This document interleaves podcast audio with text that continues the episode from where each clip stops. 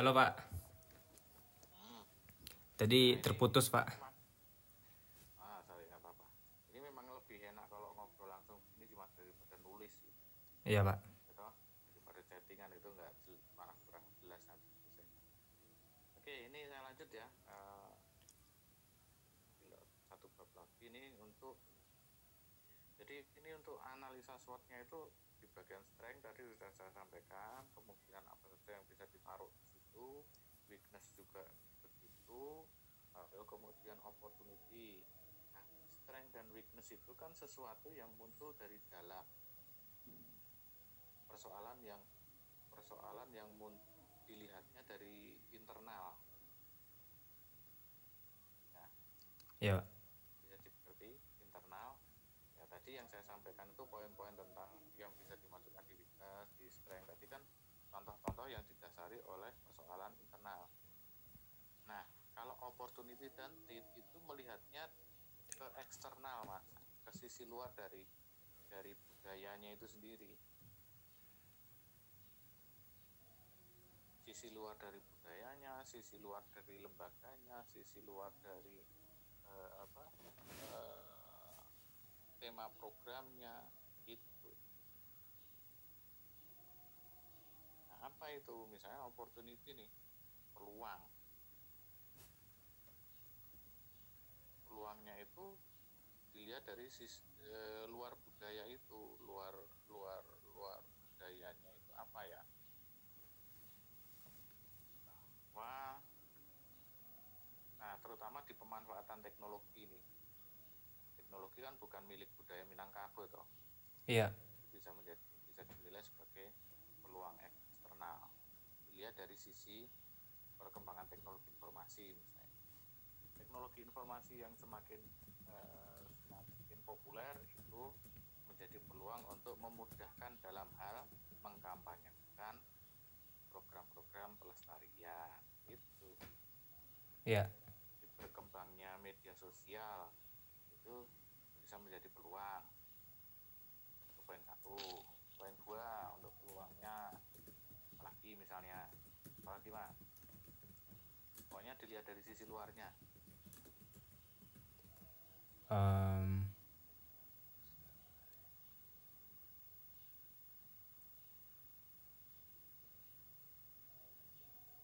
karena kalau sesuatu yang positif tapi itu berasal dari dalam dari dari diri sendiri maka itu maksudnya di kekuatan bukan di opportunity bukan di peluang.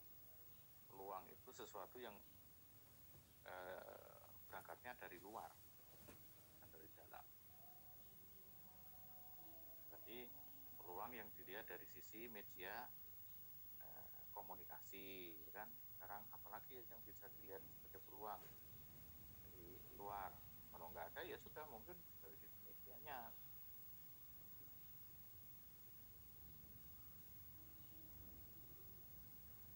Dari sisi luar misalnya budaya asing sekarang semakin hilang ya. Misalnya kan? Tapi kan enggak toh itu. Iya. budaya sekarang semakin hilang gitu itu kan eh, kelemahan yang dimiliki oleh budaya luar itu menjadi peluang oleh budaya nah intinya begitu. Sesuatu yang lemah di eksternal itu menjadi peluang bagi kitanya.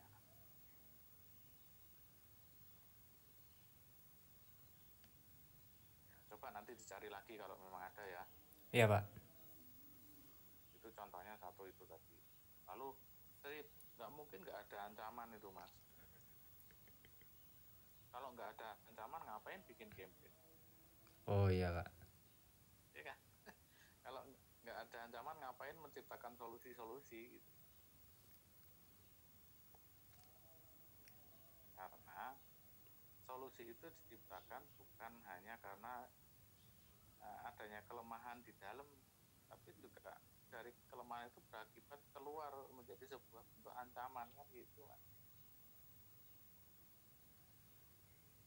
apa ancamannya? Dari Hmm, luar itu. Dari luar diri kita dari luar diri dari luar Minangnya dari luar program kampanyenya dari luar eh, oh, media eh, budaya barat yang semakin populer gitu pak Nah, kan sekarang sebenarnya ini setali ti- apa berdiri apa eh, kontradiktif gitu loh iya pak Medsos itu memudahkan kita untuk menyampaikan sesuatu entah itu untuk, untuk, eh, mengkampanyekan ini tadi misalnya contohnya itu menjadi peluang. Tapi ternyata medsos juga berada di kaki yang lain sebagai bisa memberikan dampak negatif. Apa? Karena ya itu tadi pengaruh budaya barat itu tadi kan semakin mudah diakses melalui media-media seperti itu Iya, Pak. internet iya pak nah itu menjadi ancaman di satu sisi medsos menjadi peluang di sisi lain dia juga bisa menjadi ancaman. Tidak hanya medsos ya tapi internet. Media in- in- informasi global lah intinya. Nah ancamannya itu.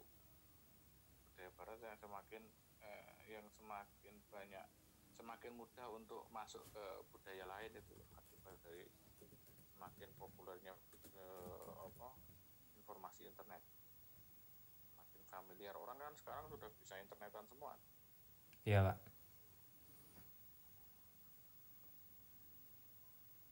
Jadi mesti ada ancaman nggak mungkin nggak ada. Kalau ini kan masih kamu kosongi. Iya pak. Dan harusnya ada lagi yang lain. Coba jadi di sini kamu memang benar-benar harus harus harus harus uh, mau mengolah ini mas. Karena ini bagian dari hal penting yang nanti kamu akan jadikan bekal untuk menciptakan konsep rancangan dan lain-lain. ini sebagai salah satu argumen ini nanti. Iya pak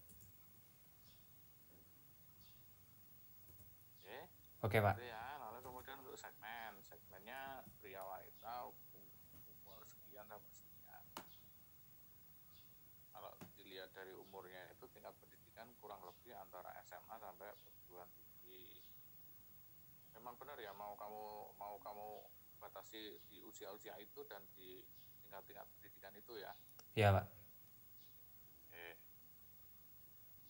Kemudian kalau dilihat dari status pekerjaan, rata-rata di usia itu itu Loh, kok pekerjaannya pendidik dan sejarawan gimana nih mas? oh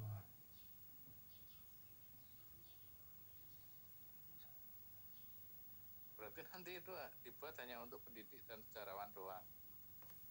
oh ya enggak untuk pelajar juga pak Nah, iya kan tadi sumber masalahnya itu kan rema, eh, apa, eh, golongan muda tuh. iya pak golongan muda itu semakin tidak mengenali budaya sendiri intinya kan gitu nah, Iya. di sini kenapa malah justru hanya untuk si untuk untuk untuk golongan profesi tertentu mana gitu.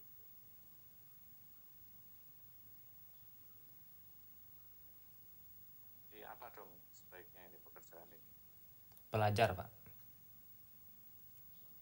Nah, paling jadi eh, eh, di, eh, di segmen ini sebenarnya kalau mau lebih detail lagi itu ada target primer, ada tar- target sekunder, tapi oke lah ini jadikan satu aja nggak masalah. Jadi dilihat dari demografi usia-usia itu berarti sasarannya adalah mereka yang punya pekerjaan sebagai pelajar, sebagai mahasiswa pelajar sama mahasiswa kan sendiri-sendiri sama iya pak sebagai pendidik dan seterusnya gitu. yang kemungkinan nanti akan bisa menerima akan menerima ini gitu akan menerima campaign ini gitu. Iya pak. Karena tidak ada pembagian eh, sasaran sasaran primer maupun sekunder ya jadikan satu aja. Pelajar mahasiswa pekerja pendidik eh, eh, sejarawan dan lain-lain Itu. penikmat budaya oh ini oh pelajar di bawah atau ini? Pindah halaman.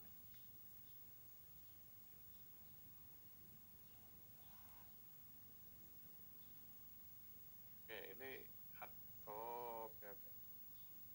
berada di baris bawah dan pindah halaman itu penikmat seni dan budaya para pelajar. Ya pelajar dulu yang di, diprioritaskan. Oke, Pak.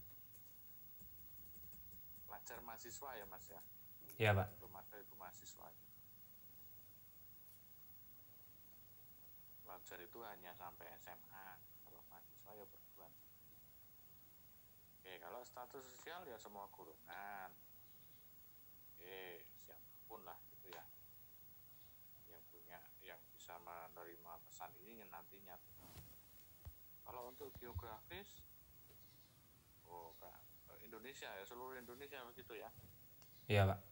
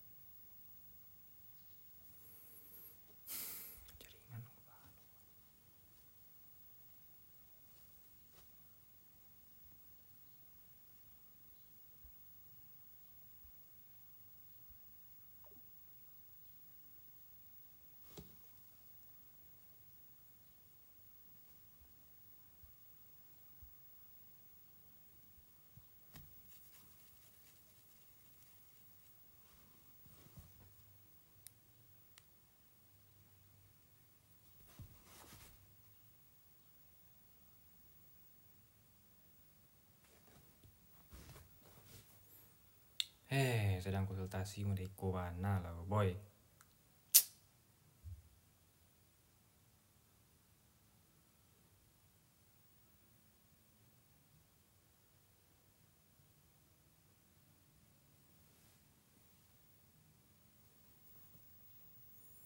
Eh, ya ampun.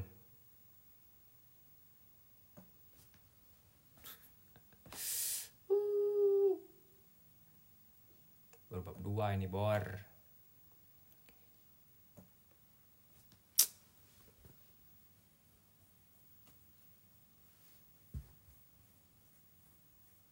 Mari kita ulangi lagi ya, guys. Aduh. Teruslah merekam.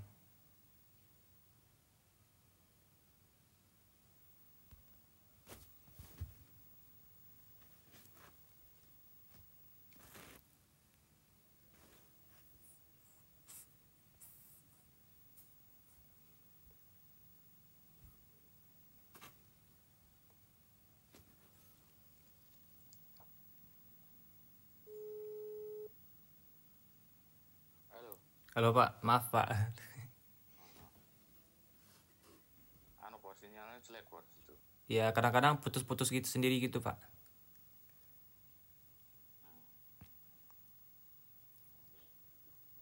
ini tiga nih sekarang ini ya memang terpaksa harus agak panjang waktunya nih tapi biar clear lah mas maksudnya gitu Ya, Pak. ya kamu juga enak nanti mem- memahaminya itu langsung ya sekarang bab tiga mas. Bab tiga. Ya se, se, se, sorry sorry. Tujuan komunikasi nih. Tadi demografi lalu kemudian geografi skografi kepribadiannya adalah mereka yang ini yaitu oke terus kemudian behavioris oke. Tujuan komunikasinya adalah sebagai sarana untuk apa sebagai sarana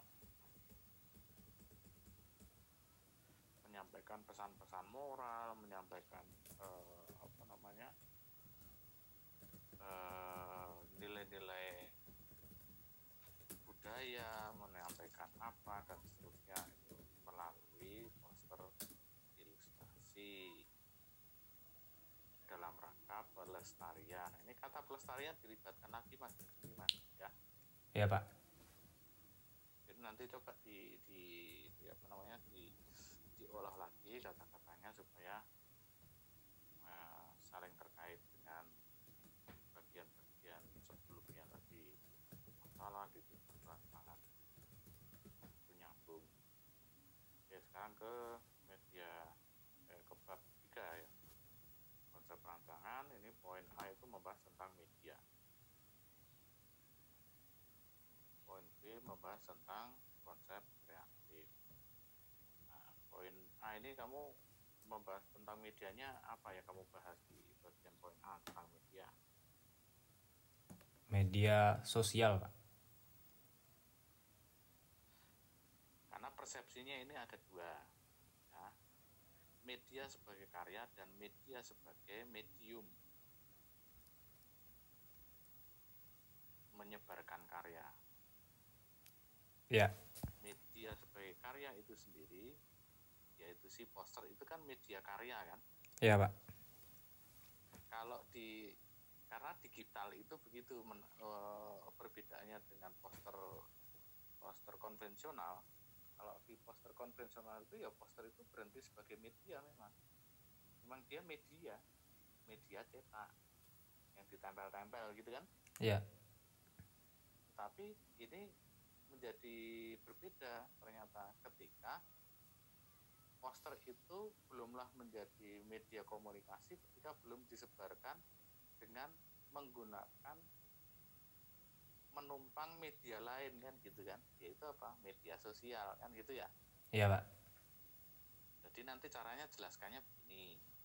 Pertama eh, di pengantar itu media yang digunakan eh, dalam hal ini media yang dimaksud adalah media poster sebagai media karya dan media digital eh, dan media sosial itu sebagai media eh, yang digunakan untuk menyebarkan pesan-pesan informasi poster tersebut gitu dikasih catatan seperti itu mas Oh ya, oke Pak.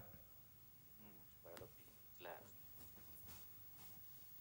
Jadi kata-katanya untuk media yang digunakan adalah media poster eh, digital dan media sosial itu digantikan dengan kata-kata tadi supaya persepsinya tidak kemudian ini dinilai sama poster digital sama dengan media sosial.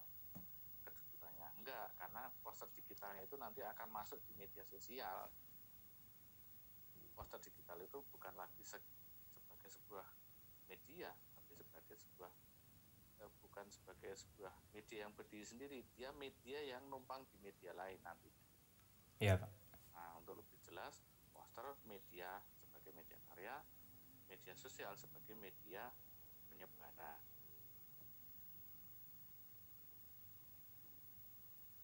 gitu ya Iya Pak. Oke, lalu kemudian baru nih dijelaskan tentang oh iya poster digital itu adalah poster yang gini gini gini, gini. lalu teknisnya seperti apa kan gitu loh. Iya Pak. Ini kalau eh, poster digital adalah poster yang dibuat oleh program desain grafis seperti Canva, desain poster konvensional yang difoto atau dipindah, di scan sehingga menjadi dokumen digital. Jadi intinya poster digital itu adalah poster yang di eh, yang disimpan dalam format digital. Iya. Intinya. Kan cetak. Nah, kalau program grafisnya bisa macam-macam. Kamu mau pakai Corel, pakai Illustrator, Canva itu kan salah satu alternatif gitu kan. Iya Pak. Kamu pakai mau pakai Procreate itu juga bisa. Banyak sekali sekarang kalau untuk yang mobile untuk bisa digunakan. Jadi ini dikembangkan saja nanti kata-katanya. Iya Pak. Sertifikat adalah pasar yang dibuat oleh program desain grafis eh, yang eh, softwarenya itu bisa macam-macam baik itu software yang sudah dikenal sebelumnya maupun software-software baru yang bersifat mobile gitu. Sebagai contoh yang mobile itu Canva ya kan? Iya Pak. ada eh, apa itu namanya? Vectornator dan lain-lain. Kamu pakai iPad kok? Iya Pak. Berapa iPad Pro Pak. Yang 2020. yang yang anu 20 Iya. oh keren dong terus nanti rencananya mau pakai itu Procreate kamu bikinnya Iya Pak. Oh. itu untuk ilustrasinya atau juga untuk layout desainnya layout posternya Eh, iya sama layoutnya juga pak. layoutnya oh gitu jadi itu langsung di satu software ya untuk membuat membuat ilustrasinya dan merancang posternya jadi satu software ya. Iya pak. karena bisa banyak kemungkinan sih misalnya contoh untuk ilustrasinya diawali dari nyeket dari sket ditranslate ke digital supaya bisa digambar secara digital dengan menggunakan aplikasi Procreate misalnya. Nah itu ilustrasinya tuh ya kan Iya pak. lalu kemudian setelah ilustrasi jadi nanti kan itu akan di layout karena ada teks dan segala macam itu dengan bisa saja dengan software lain mungkin kamu yang paling familiar apa Illustrator, Corel atau dengan Canva atau di Procreate itu karena kebetulan Procreate juga punya fitur untuk bisa mengolah tipografi dan lain-lain kan gitu ya Iya pak. Hmm. Terus di sini juga diperkenalkan formatnya. Format ngerti nggak yang saya maksud format apa? Kayak format eh, JPG, PDF gitu pak. Nah itu format penyimpanan, Iya. format ukuran. Format ukuran. Nah, nah, ada nggak di sini dibahas format ukuran? Belum dah? Yang kayak A4 gitu ya pak. Kalau cetak, kalau digital apa yang dikenal? Oh skala kayak satu banding satu gitu. Nah, itu yang kamu perkenalkan di situ, yang kamu uraikan juga itu, tambahi dengan penjelasan itu dong. Oh iya pak. Poster digital itu oh, yang dibahas adalah tentang beragam beragam tekniknya yang bisa dipakai untuk menciptakan poster digital dan format ukuran yang akan digunakan di poster digital itu apa saja, misalnya satu banding satu, ada tiga banding empat, ada apa sembilan banding 16 dan macam-macam kan? Iya pak. tergantung nantinya akan ditaruh di media sosial apa platformnya. Iya. media sosial kan banyak nggak hanya IG ya kan? Iya pak. tuh.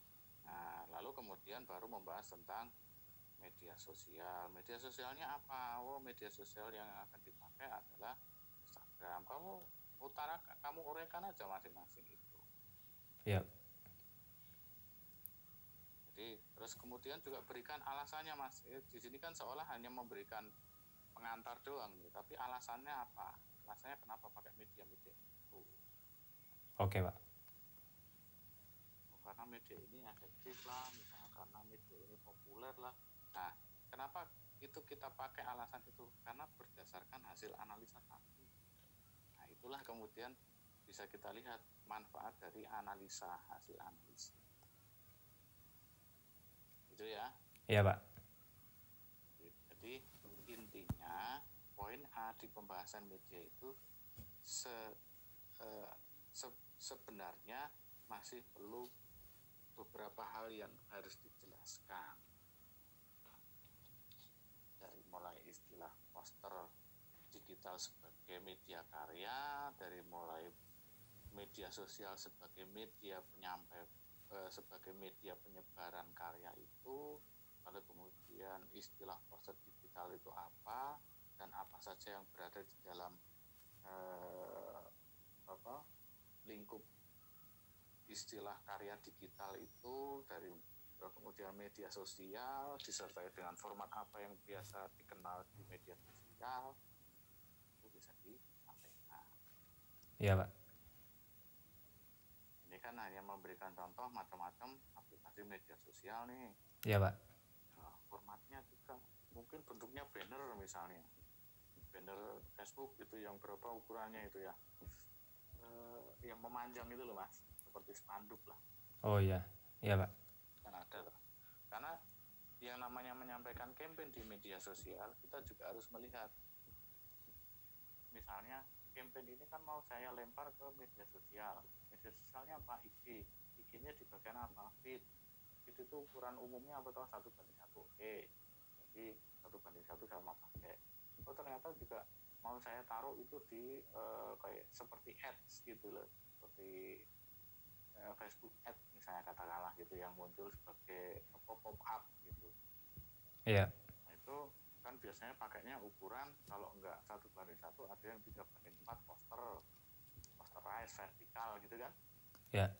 oh ada juga yang nanti mau saya taruh dalam bentuk eh, ukuran 6 6 eh 9 banding 16 ya Iya.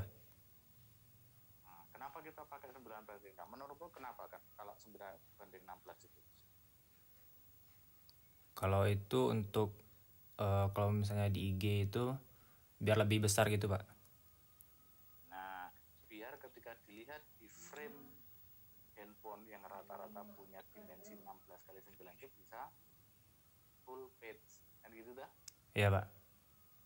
Nah, gitu. Jadi pasti semuanya ada uh, alasan dan. Oke, sekarang kita tinggal masuk ke konsep. Konsep kreatif meliputi beberapa hal. Ada aspek verbal, ada aspek visual. Aspek verbalnya apa? Ini harusnya banyak nih. Ada unsur jargon nggak? Ada unsur eh, apa namanya? Eh, dan slogan enggak gitu kan Iya. lalu apakah hanya melibatkan headline juga melibatkan headline kopi dan lainnya atau tidak. Itu intinya. Aspek verbal di sini menggunakan gaya bahasa. Nah jadi sambil dicermati di ketentuan penulisan ya mas ya. Apa yang harus diceritakan atau diulas di aspek verbal. Oke, Pak. karena kalau saya lihat di sini kelihatannya kurang lengkap ini. Aspek verbalnya. Mem- membahas aspek verbalnya kurang lalu kemudian aspek visual. Apa yang harus dibahas di aspek visual? Sesuaikan dengan eh, yang ada di sa- eh, ketentuan penulisan. Ini kan ada soal gaya visual. Gaya visualnya pakai gaya visual apa? Referensinya apa? Alasannya apa? Kan gitu ya. Iya. jadi akan lebih enak kalau kamu ciptakan pertanyaan-pertanyaan dulu mas kalau kamu juga sertai dengan pertanyaan atau eh, pertanyaannya mau bisa dengan kata apa atau mengapa Iya. itu akan lebih mudah nanti kamu kemudian me- memunculkan apa, eh, tulisan-tulisan yang harus masuk di situ intinya kan semuanya itu ketika kita membahas di bab 3 ini memanfaatkan 5W 1H itulah asal asal prinsip itu kamu bisa aplikasikan kamu akan bisa dengan dengan apa dengan leluasa untuk menyampaikan argumentasi. Bab 3 ini kan argumentasi. Iya. banyak argumentasi rancangnya nah, di sini juga untuk menunjukkan sejauh mana kamu punya kekuatan punya kreativitas punya argumentasi yang bisa dipertanggungjawabkan. Itu ditunjukkan di penjelasan bab 3 kemudian ilustrasi nih ilus dimaksud apa menjelaskan apa ini belum diisi nih Belum, Pak. kenapa Eh, belum ada referensi untuk ngisinya tuh, Pak. nah, kamu tahu apa yang harus diisikan nggak di situ Eh, ilustrasinya seperti apa gitu, Pak? Nah, tolong dilihat ya, dilihat eh, apa panduan penulisan itu kan ada biasanya. Iya. Yang dimaksud ilustrasi itu menjelaskan apa, yang dimaksud warna itu harus menjelaskan apa, tipografi harus menjelaskan apa, konsep layout harus menjelaskan apa. Ya, itu nanti segera dilengkapi saja. Oke, Pak. Lalu kemudian teknik visual itu apa? Teknik visual teknik yang digunakan untuk menghas, meng- memvisualisasikan itu dengan melibatkan teknik-teknik ilustrasi secara digital. Dan Iya. teknik-teknik ilustrasi secara digital dengan penggayaan model kartun. Gitu ya maksudnya ya. Iya, Pak. Nah, teknik digital itu karena tekniknya digital berarti melibatkan aplikasi atau software. Nah, apa yang digunakan aplikasinya? Yaitu Procreate yang yang ada di iPad, eh, apa? iPad. Di iPad. Adobe. Nah ini ternyata kamu pakai Adobe Illustrator ini untuk apa? Berarti. eh oh ya Illustrator ini bisa untuk layout juga sih pak Nah akan lebih jelas begitu. Jadi di sini kamu sebutkan teknik ilustrasinya kalau untuk membuat ilustrasinya akan dibuat menggunakan aplikasi Procreate di iPad yang ada di iPad. Sementara untuk eh, penyusunan layout, komposisi dan lain-lain tata letak itu akan memanfaatkan Adobe Illustrator gitu mas. iya pak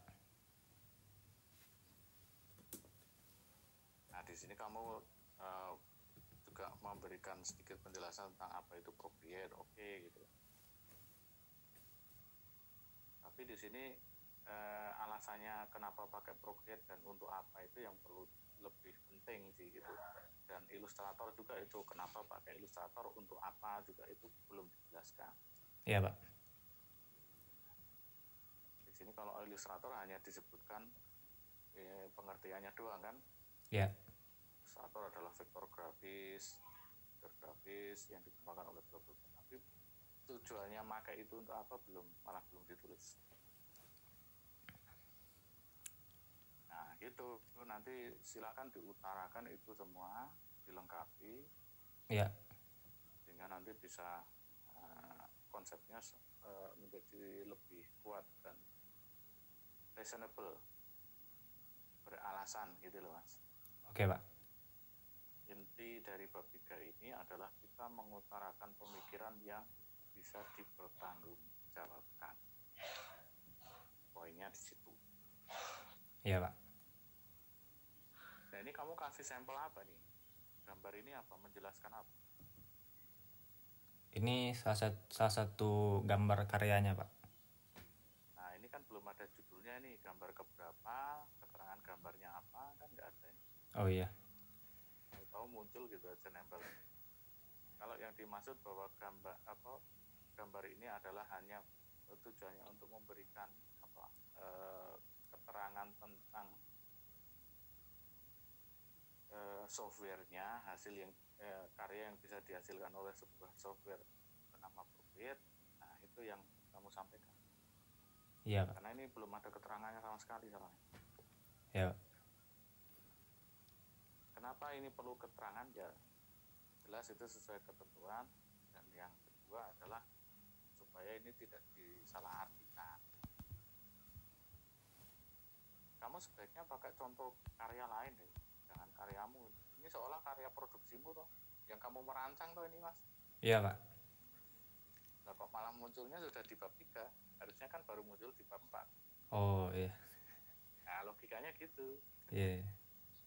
Jadi kamu ngambil sampel sa- lain aja ambil contoh lain karya lain lah. Karya karya karyamu sendiri juga nggak masalah tapi yang tidak terkait dengan karya bab 4 nanti. Nah itu akan menjadi aneh malah menjadi salah gitu. kamu punya karya yang dibuat di Procreate pakai aja di capture. Gitu ya. Oke pak. Hmm. ada pertanyaan? Hmm nggak ada pak. Udah paham semua pak. Ya, oke. Semoga penjelasan yang panjang ini tadi telepon lama ya, ya itu bisa lebih lebih lebih memperjelas, lebih clear, supaya nanti hasil secara tertulisnya juga lebih terstruktur. ya pak Tinggal nanti kita tutup bab. Berarti gini aja, eh, catatannya untuk perkuliahan hari ini intinya adalah eh, perbaikan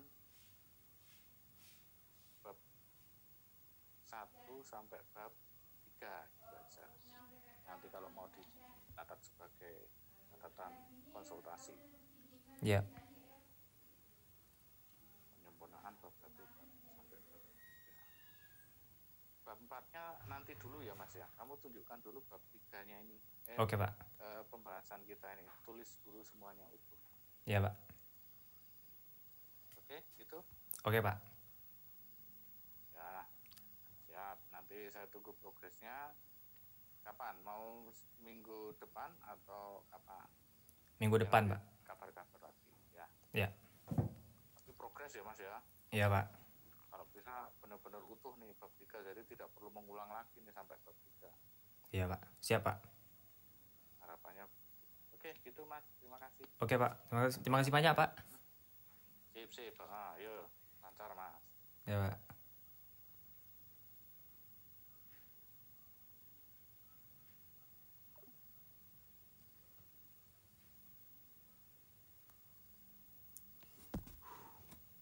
Udah bro, mantap bro.